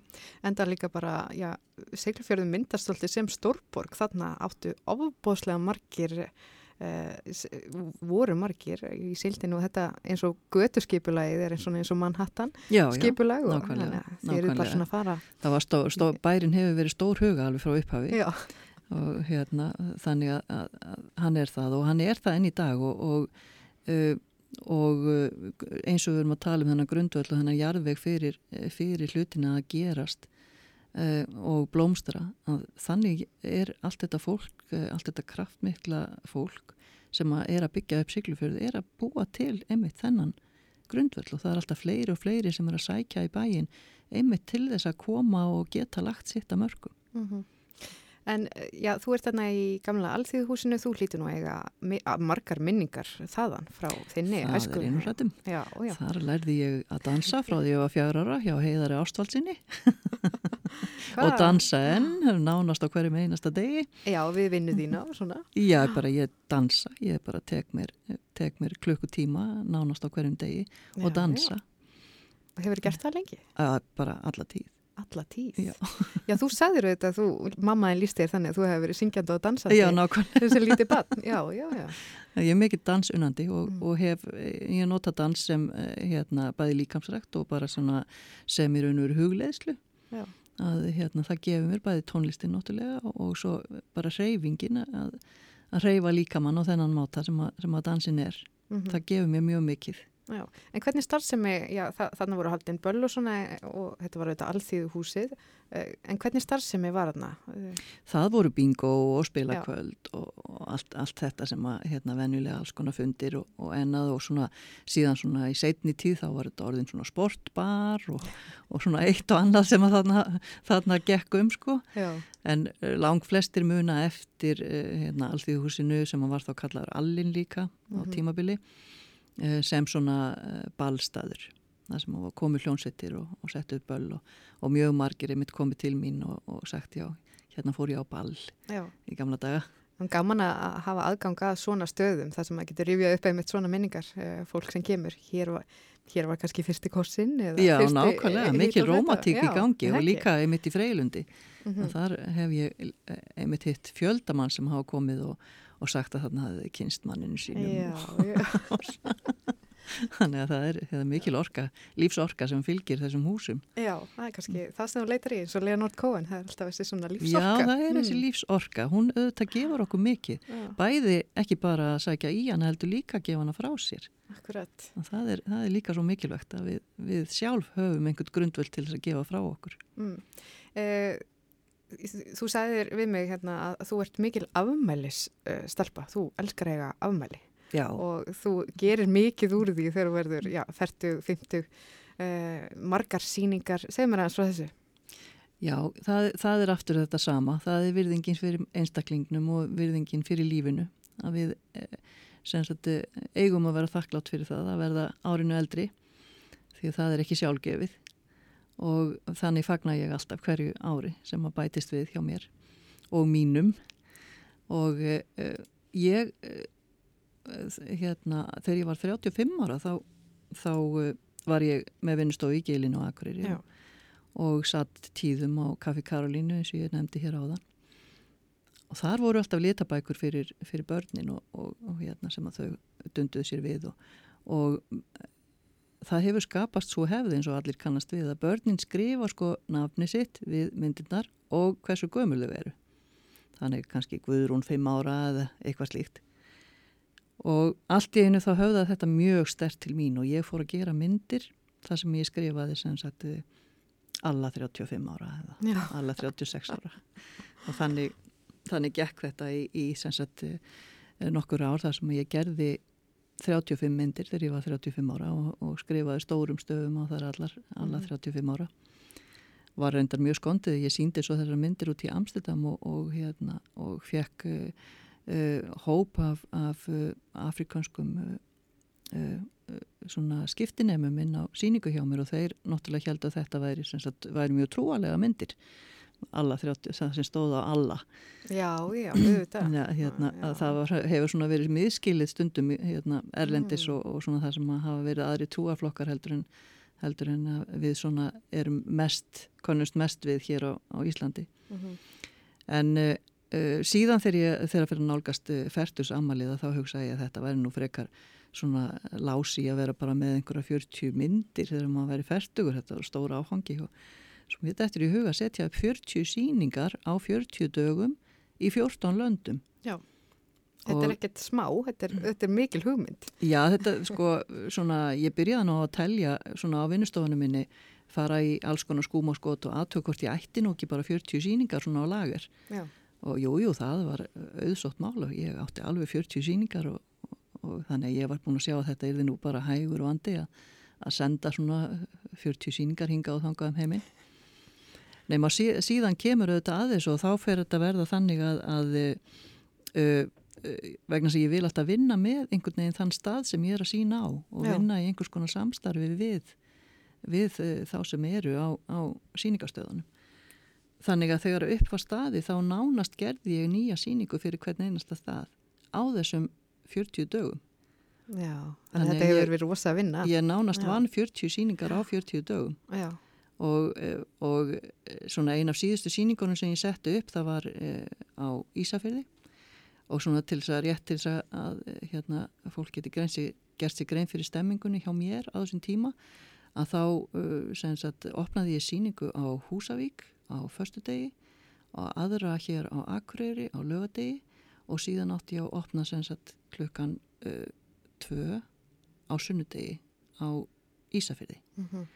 Og það er nú 8 tíma akstur sko frá Akureyri til Ísafyrðar og ég eiginlega grét alla leiðina frá Akureyri til Ísafjörðar með fullan bíl og kerru og eftir uh, með skúlturum og listaverkum til þess að setja upp. Og ég var svo þreytt á leiðinni að ég bara grét með ekka alla leiðina til Ísafjörðar í 8 klukkutíma Þú hefur sínt yfir þig. Já, ég, þetta var ansi mikið en, óbúslega gaman að, og gaman eftir að hafa gert þetta En þú hættir ekki þarna, ég meina þegar þú varst 50 þá gerur þú eiginlega svipað. Já, sko, ég, eftir þessar 40 síningar þá hugsa ég að ég geri þetta nú aldrei Mm. aftur. Svo liðu nú árin eitthvað og, og ég var ekkert mikið að halda upp á amali mitt þarna í millitíðinni nema að ég, það stefnir í að ég verði 45 ára. Og þá fór ég að hugsa að nú ætlaði nú aldils að vera skynsum og bara byrja að halda upp á 50 amali mitt á 45 ára amalstæðin.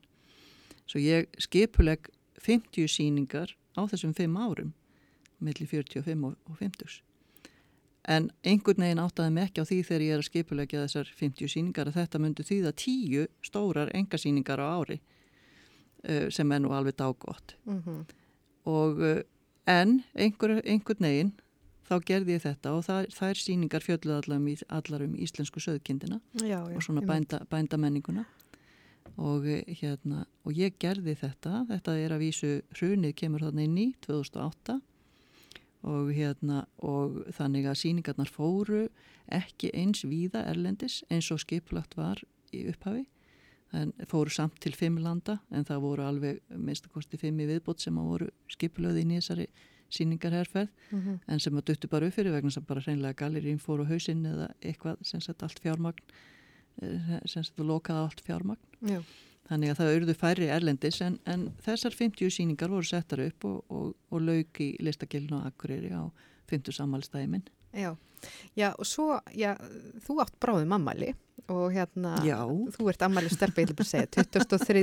júni. nákvæmlega alveg að koma að þessu þetta er alveg að hafast hjá Ertu mér að vinna í einhverju svona alls konar sýningum núna? Nei, Fyrir næsta tug? Nei, nú, sko, nú hef ég ákveðið og endalega, ég mun ekki gera svona síningarverkefni aftur í tengslum við ammali mitt, Mm. en auðvitað er ég alltaf að vinna alls konar síningum og, og, hérna, og verkefnum sem að, að, hérna, sagt, ég er áðinn til að gera. Núna næstun er að, er að opna uh, svona sögusettur í Búðardal, þar sem ég var fengina til þess að vinna inn Eirík Rauða og Leif Eiríksson og, og svona eh, karaktera úr, úr, úr, úr þeirri sögu allri. Þannig að ég er semst að fara að skila því verkefna að mér og það á að opna að mér skist 4. júli. Uh, og, uh, en núna í júni er ég að fara að vinna uh, í Selárdal Já. Uh, á safninu þar og, og hérna, mun, mun vinna þar einhvað í tengslum við skúltúruna sem að þar eru og síðan uh, er ég að fara hérna í Eyjafjörði í, í uh, engasafni hjá hann aðastinni Þórsinni og, og vinna síningu þarinn sem verður í, verður í loki júli Já, já, þannig að það er margt að þér Já, og verður já. ammælsveislan uh, í Seláldal. Amalsveislan verður í Mm. Selárdal í þetta skiptið þetta er frábært og hvað svona ætlar að gera já, í dag? Hvernig verður dagurinn hjá þér? Dagurinn í dag hann er náttúrulega indislegur, ég er með uh, börnin mín og, og barnabörnin í heimsókn á Siglufyrði og þau eru alltaf að vinna að verkefni, dótti mín, Brák Jónsdóttir, hún og hennar kærasti, Þórir Hermann Óskarsson, píjánuleikari, þau eru að uh, eru með uh, smiðju fyrir börn á Siglufyrði, Mm. svona skapandi listasmiðju Já. Og barnabörni mín er að taka þátt í þeirri já, þannig að, að það er fjölmennt í húsinu og, og indislegt þannig að, að þegar að heim verður komið þá er það bara farið að, leggja í kannski lumur og svona að hafa svona sunnudaskaffi og, og hugulegheit með fjölskyldinni Notaleg stemming og hugulegheit í Alþýðuhúsinu á Siglufjörði. Uh, takk fyrir komuna hinga í sunnudagsögur á Rástfö aðalheiður S. Eisteinsdóttir eða Alla Sigga, eða Alla uh, og bara hafið það gott og gangið vel og til hafa mikið með ammalið, bráðum. Þakka ekki kærlega fyrir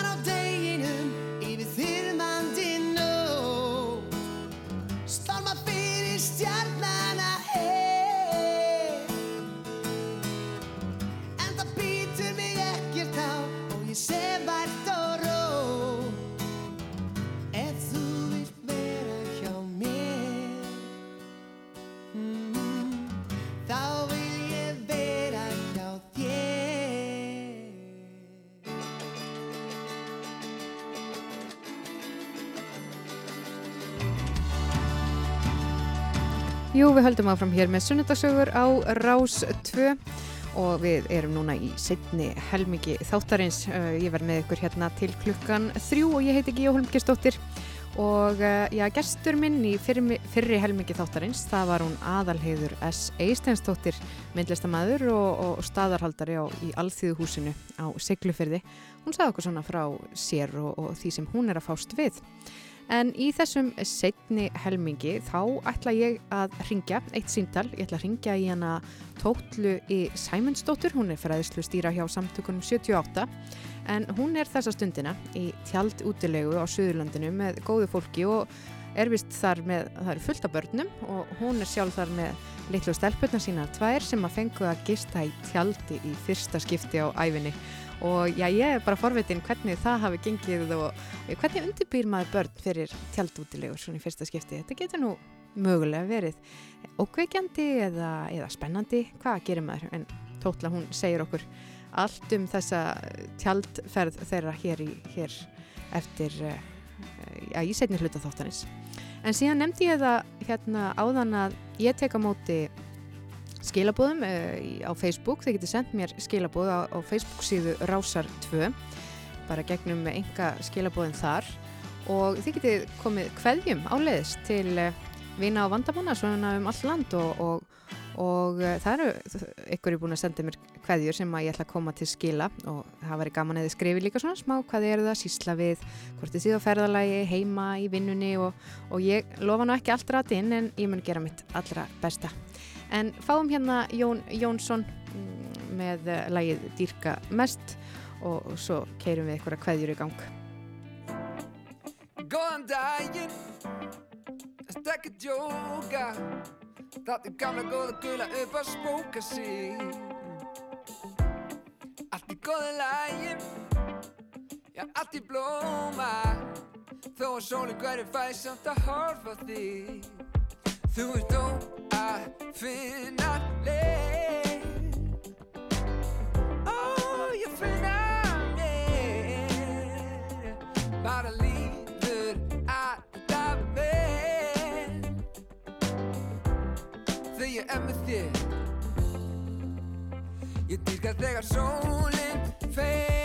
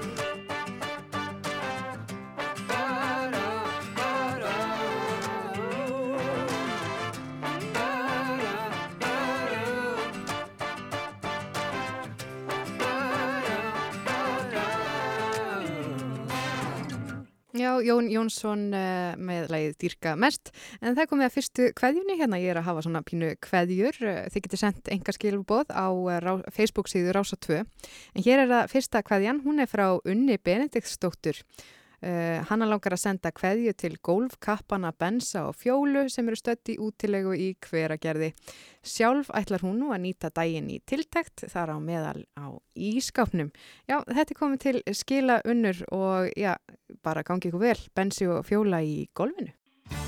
Þú ert að hlusta á Sunnudagsögur á Rástfö. Já, þér er að hlusta svo sannarlega á sunnundasögur og ég er hérna að taka á móti kveðjum sem þið getur sendt í gegnum Facebook síðu Rásar 2 og uh, já, þau fengu kveðju áðan, gólkapparnir Bensi og Fjóla sem eru stödd í útilegu í hveragerði og það er kveðja frá henni Unni Benediktsdóttur. En heyrum hérna Waterfalls TLC.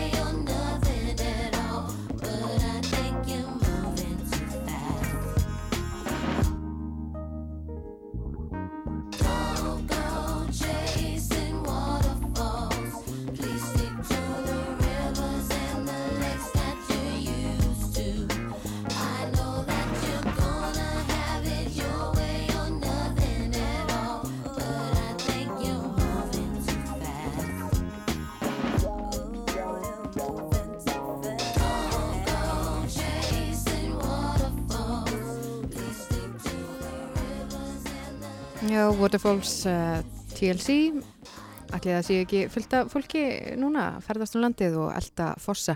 Já, það er kannski það sem hún er að gera, hún tótla í uh, tótla í býtti nú við, tótla í Sæmundsdóttir. Týndi í nafnunu en, en maður vil nú hafa þetta rétt. Og hún er semst í tjaldútilegu og ég ætla að ringja í hana eftir þetta lag hérna með Dada Frey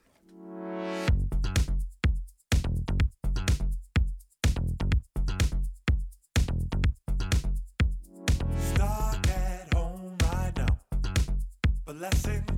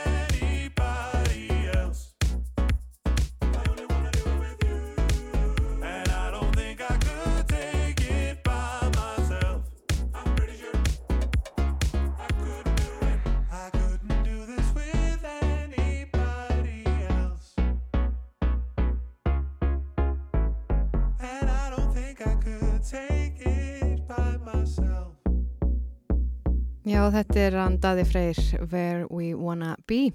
En uh, ég er komin í samband við hana Tóttlu í Sæmundsdóttur. Hún er fræðslustýra hjá samtökunum 78 og er þessa stundina í útilegu með dætrum sínum og, og fjöldi, fjölda góðra vina. Uh, Heyrur í mig Tóttla? Já, hæ. Sæl, vertu.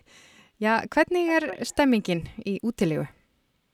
Heyrðu, það er bara búið að vera mjög ljúft hjá okkur um helgina. Búið svolítið rigning, svolítið blöytt, Já, en það var bara góð stemning hjá okkur. og hvar eru þið stödd?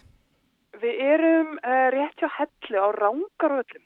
Mm -hmm. Eitt vinnur okkar á sumabústa þar og við ákveðum að tjálta vinahópurinn. Við fara flest með börnin okkar í fyrsta skipti útilegu. Já, já. Það var ákveðum að tjálta svona í návi í viðugstar þar sem við gætum skotist inn eða, eða það er allt úr böndunum. Já, farið á klósettið og svona.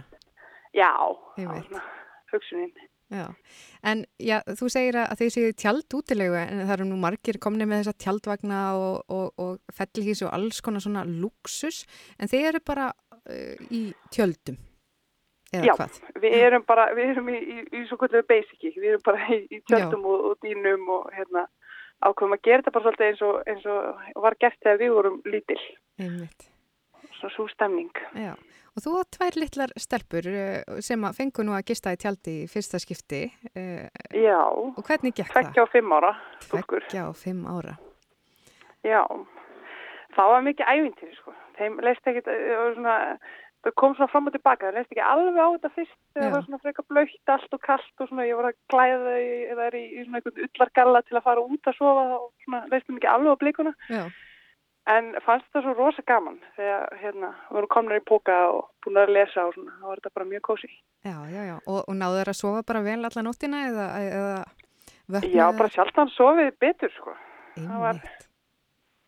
það var hérna, sofið gegnum alla nóttina. Já, Já, maður heyrir oft uh, frá þannig, þannig sögur að fólk sefur rosalega vel í tjöldum. Já, ég get ímynda mér þessu, þetta sé svona svolítið hérna, afturkvarti þess þegar það voru í vöggununum. Já, já. Það voru litlar, svona, blaktir, svona smá vindurinn og þetta er rosa kósi og fest loft og svona. Einmitt. En hvernig undirbjóstu þar eitthvað sérstaklega fyrir þetta eða hvernig svona tókstu Já, því? einhverju leiti, sko. Ég spjallaði náttúrulega mikið við þær um þetta og hvernig það virka alls saman. Og svo prófuðu við að gista heima í að, til þess að undirbúa þetta svona og reyna að gera það svolítið spenntar fyrir þessu. Já, já. Það er svona vana aðeins meiri lúksus, það er kannski svona, er- eru svo að eiga, eiga sumabústaði í báðum fjölskyldum. Já. Þannig að hérna, það er pottur og svona, þetta var svona aðeins öðruvísi, aðeins öðruvísi gisting. Já. En þeim fannst það bara að vera mikið ævintýri þegar, að, hérna, þegar, fund, þegar hérna, fengi að prófa þetta. Mm ég hérna, þú hefur nú líka verið á ferðalögum, ég sá það á, á Facebookinu þínu uh, og nú ertu nú alveg með heilum hópi og mikið af börnum, en svo varstu Já. undan, já, síðustu, síðustu eða þar síðustu viku, bara al ein á ferðalegi. Já, ég fór í, ég, ég vinn sem fræðslitýra samtakana 78 Mm og var ráðinn til þess að uh, koma inn í skóla á sunnanverðu vestfyrir. Fór í skólan á Patrísfyrði og Bildudal og Tálnafyrði Já. og kom þar til að tala við krakkana. Og uh, þess á milli þá hérna, nýtti ég bara tækifæri til að skoða mig um á því svæði, bara einn. Og hafður þú komið vildi- áður eða? Nei, ég hef aldrei komið hana áður en bara sé myndir af uh, eins og Rauðasandi og, og Látrabjergi og öllum þessum stöðum. Þannig að það var mikið æfintir að fá bara að vera einn. Það var alltaf einhvern veginn engin ferðamaður. uh, Þetta var hérna, alltaf nýbúið að aflétta hérna, sam, samkomubanni. Einmitt. Þannig að það var einhvern veginn engin á ferli. Ég var bara einn og allstað sem ég fór var ég bara einn. Og það var alltaf mögnu upplifun að fá að sjá landið sitt einhvern veginn án nokkuð annars ferðamanns. Já, það hlýtur að hafa verið svolítið magnað kannski. Já, ég upplifði það. Bara að fá að rölda einum rauðarsand heilan Mhm. dag, fannst mér alveg ótrúlega magna. Já. Og já, þú hefur nú ekki kannski gist í tjaldi í þessari ferðinni. Nei, nei, nei. Ég var uh, allan tíman bara á Patríksfyrinn Já. á hana, Hotel Vest, það var mjög vel um í þar. En uh, svo bara indislegt að fá að koma þarna. Ég einhvern veginn, eh, hef aldrei komið á, á sunnanverða vestfyrði. Ég hef alveg flakka talsveit um vestfyrði en aldrei komið á þetta svæði. Já. En, Bara indislegt að fá að kynna fólkinu og, og, og fá, fá að sjá þetta, þessa náttúru alltaf. já. Og hvernig var svona að koma í, í, í- skólana? Já, þetta var nú bara svona einhvern veginn skólanir rétt að byrja aftur uh, eftir allar þessar breytingar og svona. Hvernig var, hérna, hvernig var svona stemmingin á svæðinu? Eh, Þau voru bara rosa spennt að sjá mig. Ég held að hafa ekki komið með nýr þarna í lengri tíma. Þannig að ég, ég, var, ég var mjög vinsal hjá krakkunum. Þau voru hérna, gaman að spjalla við þau og, og þau voru mjög til í þetta. Mm -hmm. Uh, það er líka bara, hérna, það er, það er ekki alltaf sem, sem hérna, er, er uh, fjármagn og möguleika til þess að fara í, í fræðslur á, á svæði sem er erfiðar að koma stað. Nei, akkurat. Þannig að það var bara indislegt að fá að eða, eða tíma og tekið rosa vel á móti mér og krakkarnir og foreldrarnir og kennararnir og allir bara til í þetta. Já. En ertu að, að undirbúa ykkur fleiri ferðalög, bara svona persónulega, með stelpunda kannski fleiri tjaldferðalög? í sumar. Já. við vorum, hérna, við vorum með stórum hóp núna um helgina af allt hins einn fjölskyldur. Já, já. Og við vorum eitthvað að ræða hvað verið gaman að gera þetta bara aftur bráðlega. Krakkarnir náðu svo vel saman og það var allt svo auðvelt og þægilegt og yndislegt bara. Þannig að Ég, ég vonast bara til þess að geta farið í nokkra svona tjaldútilegur í viðbúnd. Já, og já, þetta er kannski fáið betra veður næst, það er vonandi, það er svolítið búið að vera Ég regning hann á. Suðurlandinu.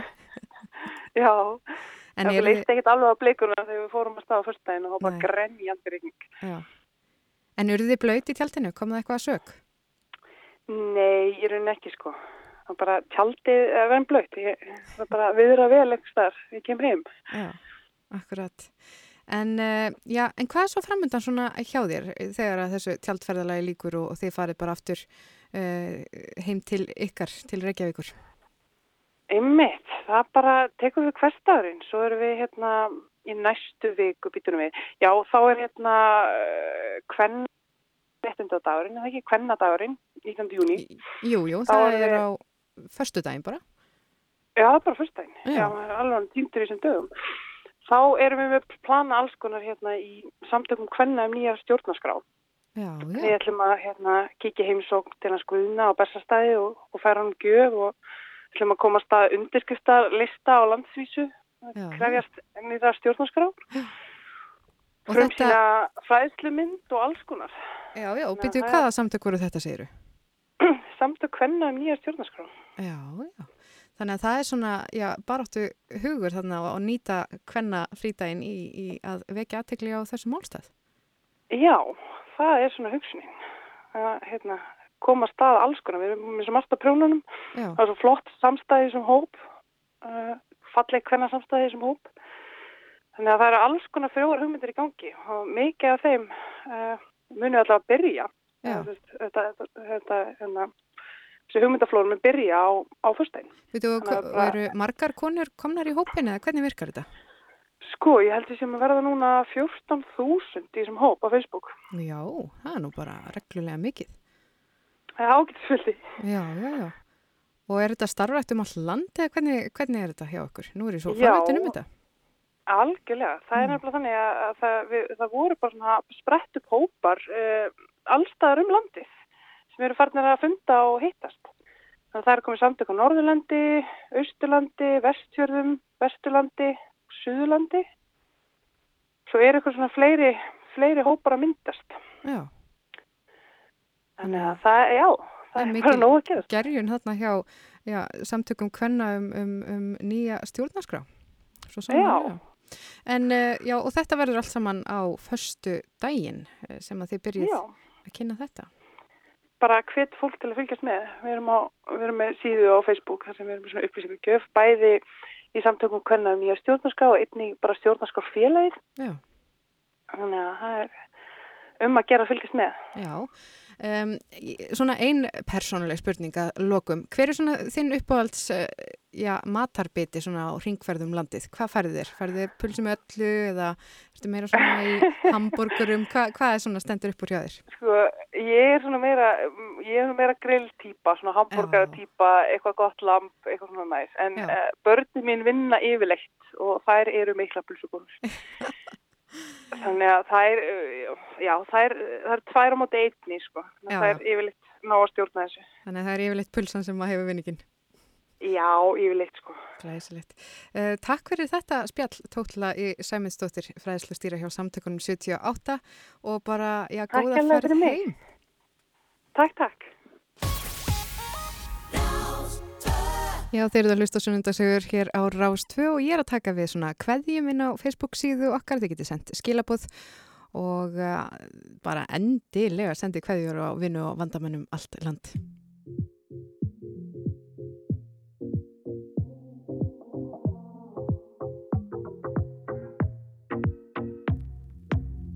Ekki býða kem að segja strax.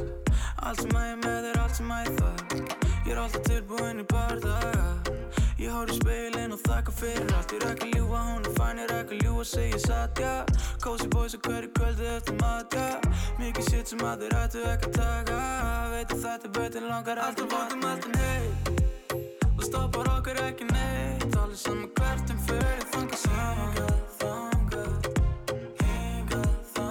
Alltaf alltaf neitt. Og stoppar okkur ekki neitt. Allir saman hvert um fyrir þangað Saman,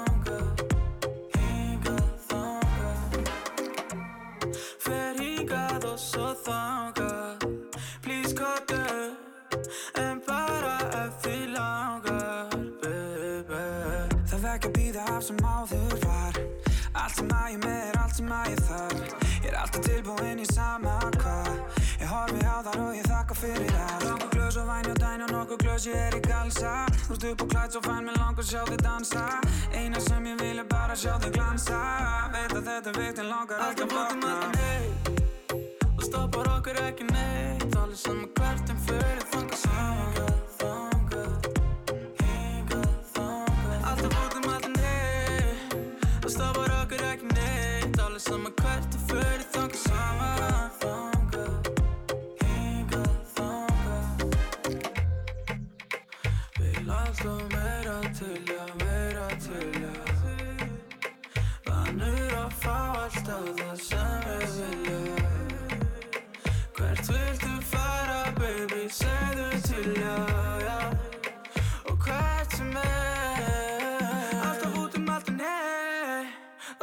okkur ekki neitt Allir sama hvert við förum þangað Já, já,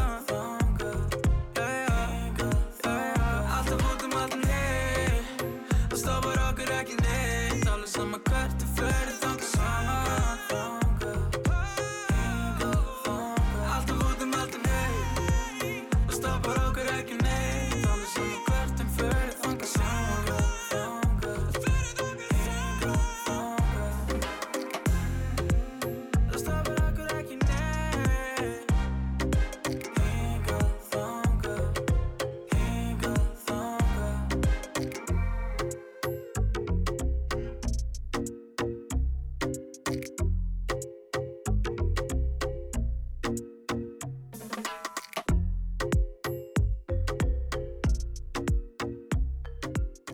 Þú ert að hlusta á sunnudagsögur á Rástfö.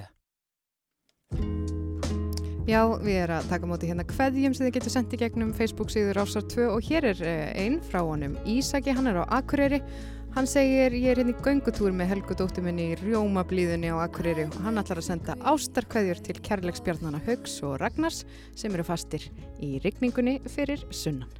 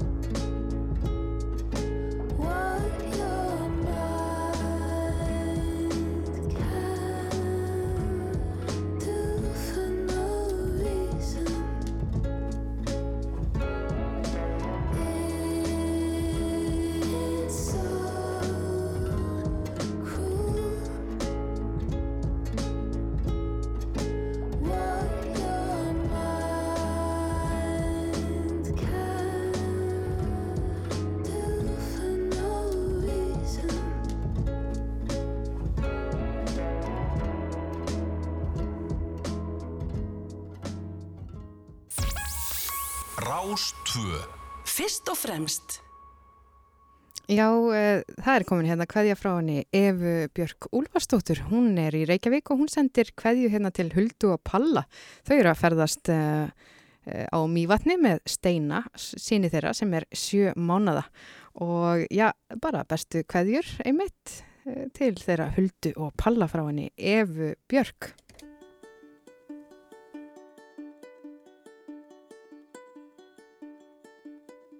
Days are bright and tranquil on this boat called Southern Nights. We might hit a snag, but we will be alright on the Southern Nights.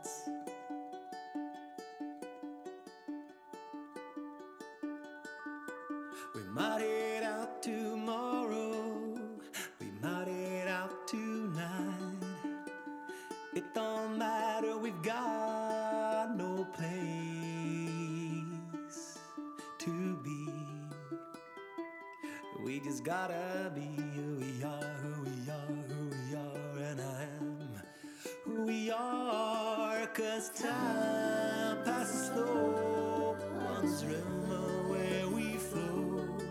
And that's the way that we wanna go.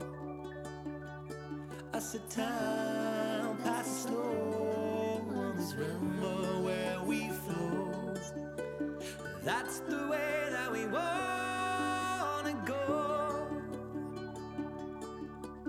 That's the way that we wanna go.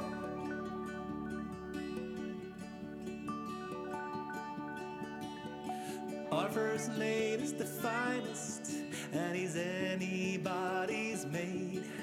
In fact, I never found a finer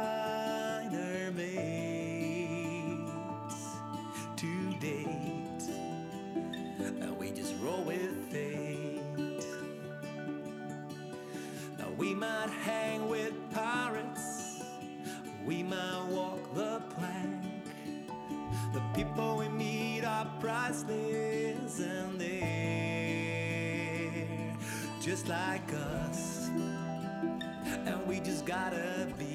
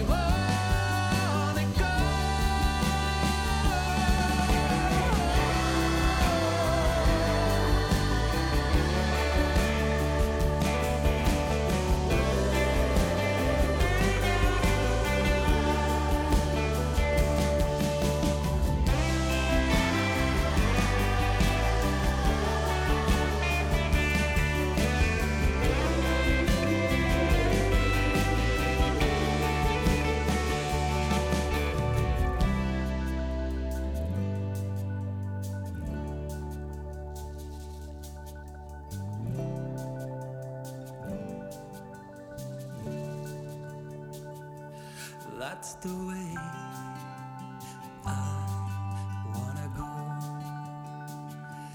That's the way I wanna go. That's the way I wanna go. That's the way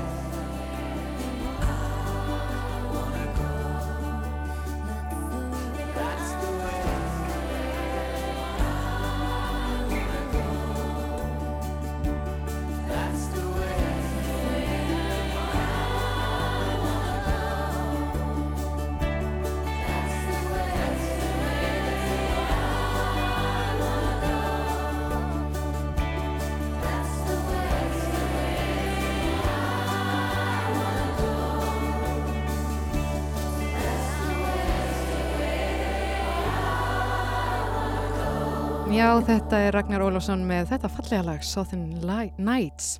En hér er komin einn kveðja, það er hann Elias Björnsson sem að vil endilega senda sinni ekta kvinnu henni Viktoríu Blöndal. Eh, góða kveðju, hún er á Egilstöðum og hann er í Reykjavík eh, og hún er, eh, já, vinna og gera ímislegt og, og hann sér um börn og meðan og sendir hérna kæra kveðju. En við skulum heyra hérna aðeins í henni Leilo.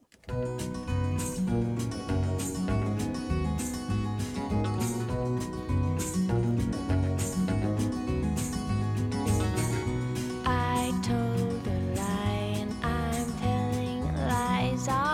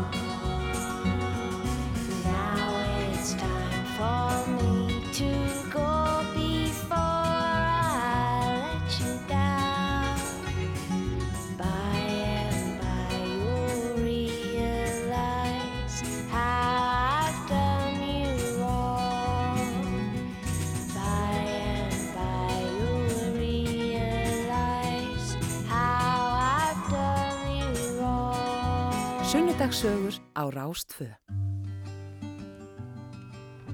Já, við sitjum hérna sunnundasögum á Rás 2 og ég er að taka við svona kveðjum og þið munir kannski eftir þeim Huldu og Palla sem er að ferðast þarna við Mývatt. Þau fengu kveðju áðan frá vinkonu þeirra, Efu Björk og þau voru svo ána með kveðjuna að þau bara segðu hérna byggja um sjálf að fá að senda kveðju og það er semst kveðja frá Þorsteini, sinni þeirra, til Þóreyjar, frængu sinnar, sem er nýjútskrifaður grafískur hönnur sem er að stúdera norrlenska siði og menningu í stóru tjarnar skóla.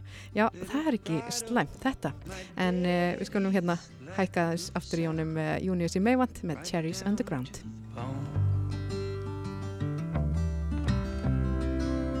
Love I know, love I need. It lying on the lot in front of me. Love I know, love I need. It lying on the lot in front of me.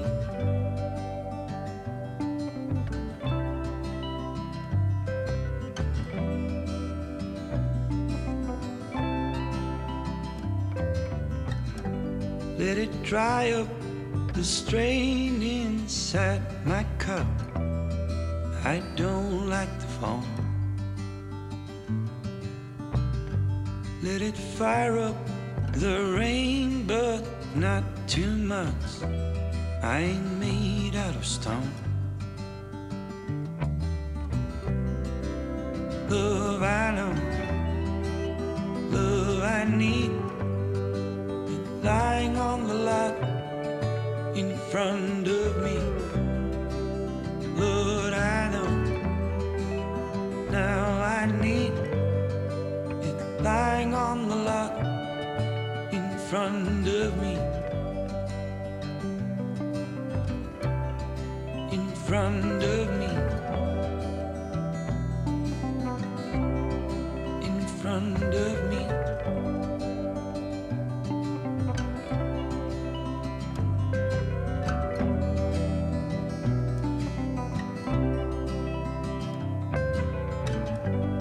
Let it walk with the smallest of them toys. You don't like to be alone. Let it talk to the coolest of them all. So you don't like to be alone.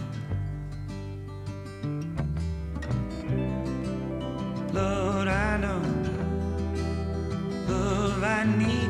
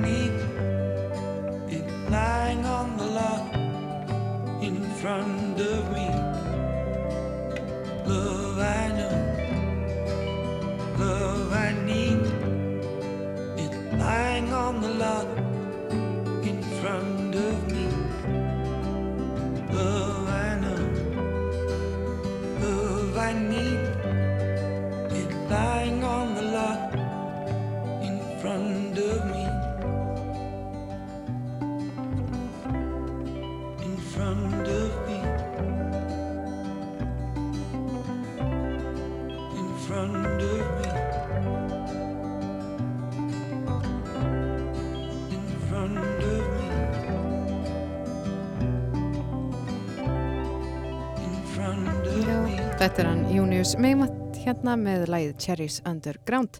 En uh, ég er að taka móti kveðjum og skila þeim svona hérna í gegnum uh, Facebook skilabóð og hér er síðasta kveðjan sem við náum að, að, að setja að.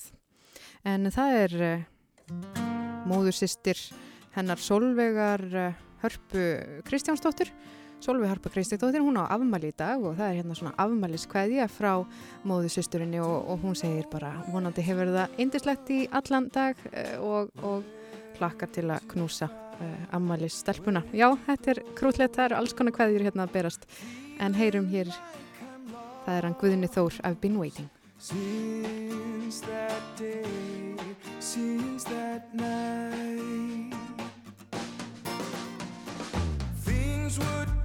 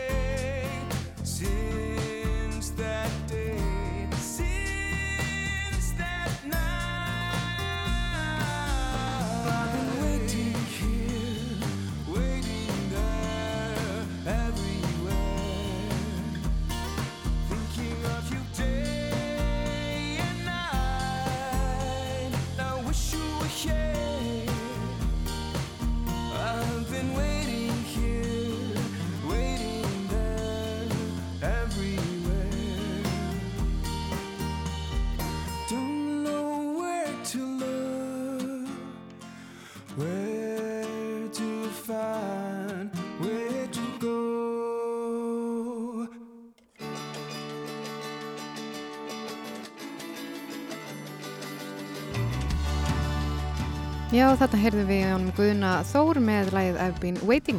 En það eru hérna tvær kveðjur sem að vilja endilega fá að koma að stað. Eh, Það er hann Aron Ólafsson sem ætlar að senda innilega rammalis kveðjur á Írisi Mjöll Ólafsdóttur, stjúpmóður hans sem átti ammali í gær og þessi kveðja er frá Ástumak, Aðgunni og honum Aroni Ólafsinni. En hún, eh, Íris Mjöll, hún er á ringverð um landið svo þið gátt ekki hitt hana. En hér fær hún innilega ammaliskveðju og svo er það hún Borghildur Ína Sölvadóttir. Hún sendir kæra kveðju til Fatex Kvenna með kærum þökkum fyrir síðast. En uh, mér skilst að Fatex hafi verið einhvers konar námskeið í uh, jurtalitun. En þá er þetta komið til skila og ég er líka bara þátturinn er að renna sitt skeið. Það er komið á endalókum hjá mér. Um, það sem við gerðum í þessum þætti það var að við fengum hérna gest í stúdíuð okkar fyrir Norðan og það var hún aðalheiður S. Eisteinsdóttir sem kom hingað og saði frá lífi sínu og eh, list en hún er myndlistamæður og er eh, og rekur vinnustofu, samkommahús og menningamiðstöð í gamla alþýðuhúsinu á Suglufjörði og fyrir þá, eða, þau ykkar sem að mistu af þessu viðtali þá er hún, uh, þá dettur þetta allt inn í spilaran hér á að þætti loknum. En uh, síðan ringdi ég líka á Suðurlandið, uh, þar er hópur í tjald útilegu og ég ringdi hérna tótlu í Sæmundsdóttur, hún er fræðslustýri á samtökunum 78 og hún á tvær litla stelpur sem að fengu að gista í tjaldi í fyrsta skipti á æfinni og það var víst agalega gaman og já, minnir mann bara á hvað það er gaman að fara með börn í bara svona, já, venjulega gamaldags útilegu. En uh, svo gerði ég þessa fínu tilraun, uh, ég ákvaða að hérna byggja um uh, kveðjur í gegnum uh, skilaboð, í gegnum Facebook síðu Rásar 2 og það komu alls konar skemmtilegar kveðjur og það var gaman að geta skila þeim til síns heima. En þættinum er bara senn fyrir að ljúka, en ég heiti Gíja Holmgistóttir, er búin að vera með ykkur hér frá klukkan 12.40 í dag og það líður senn að fréttum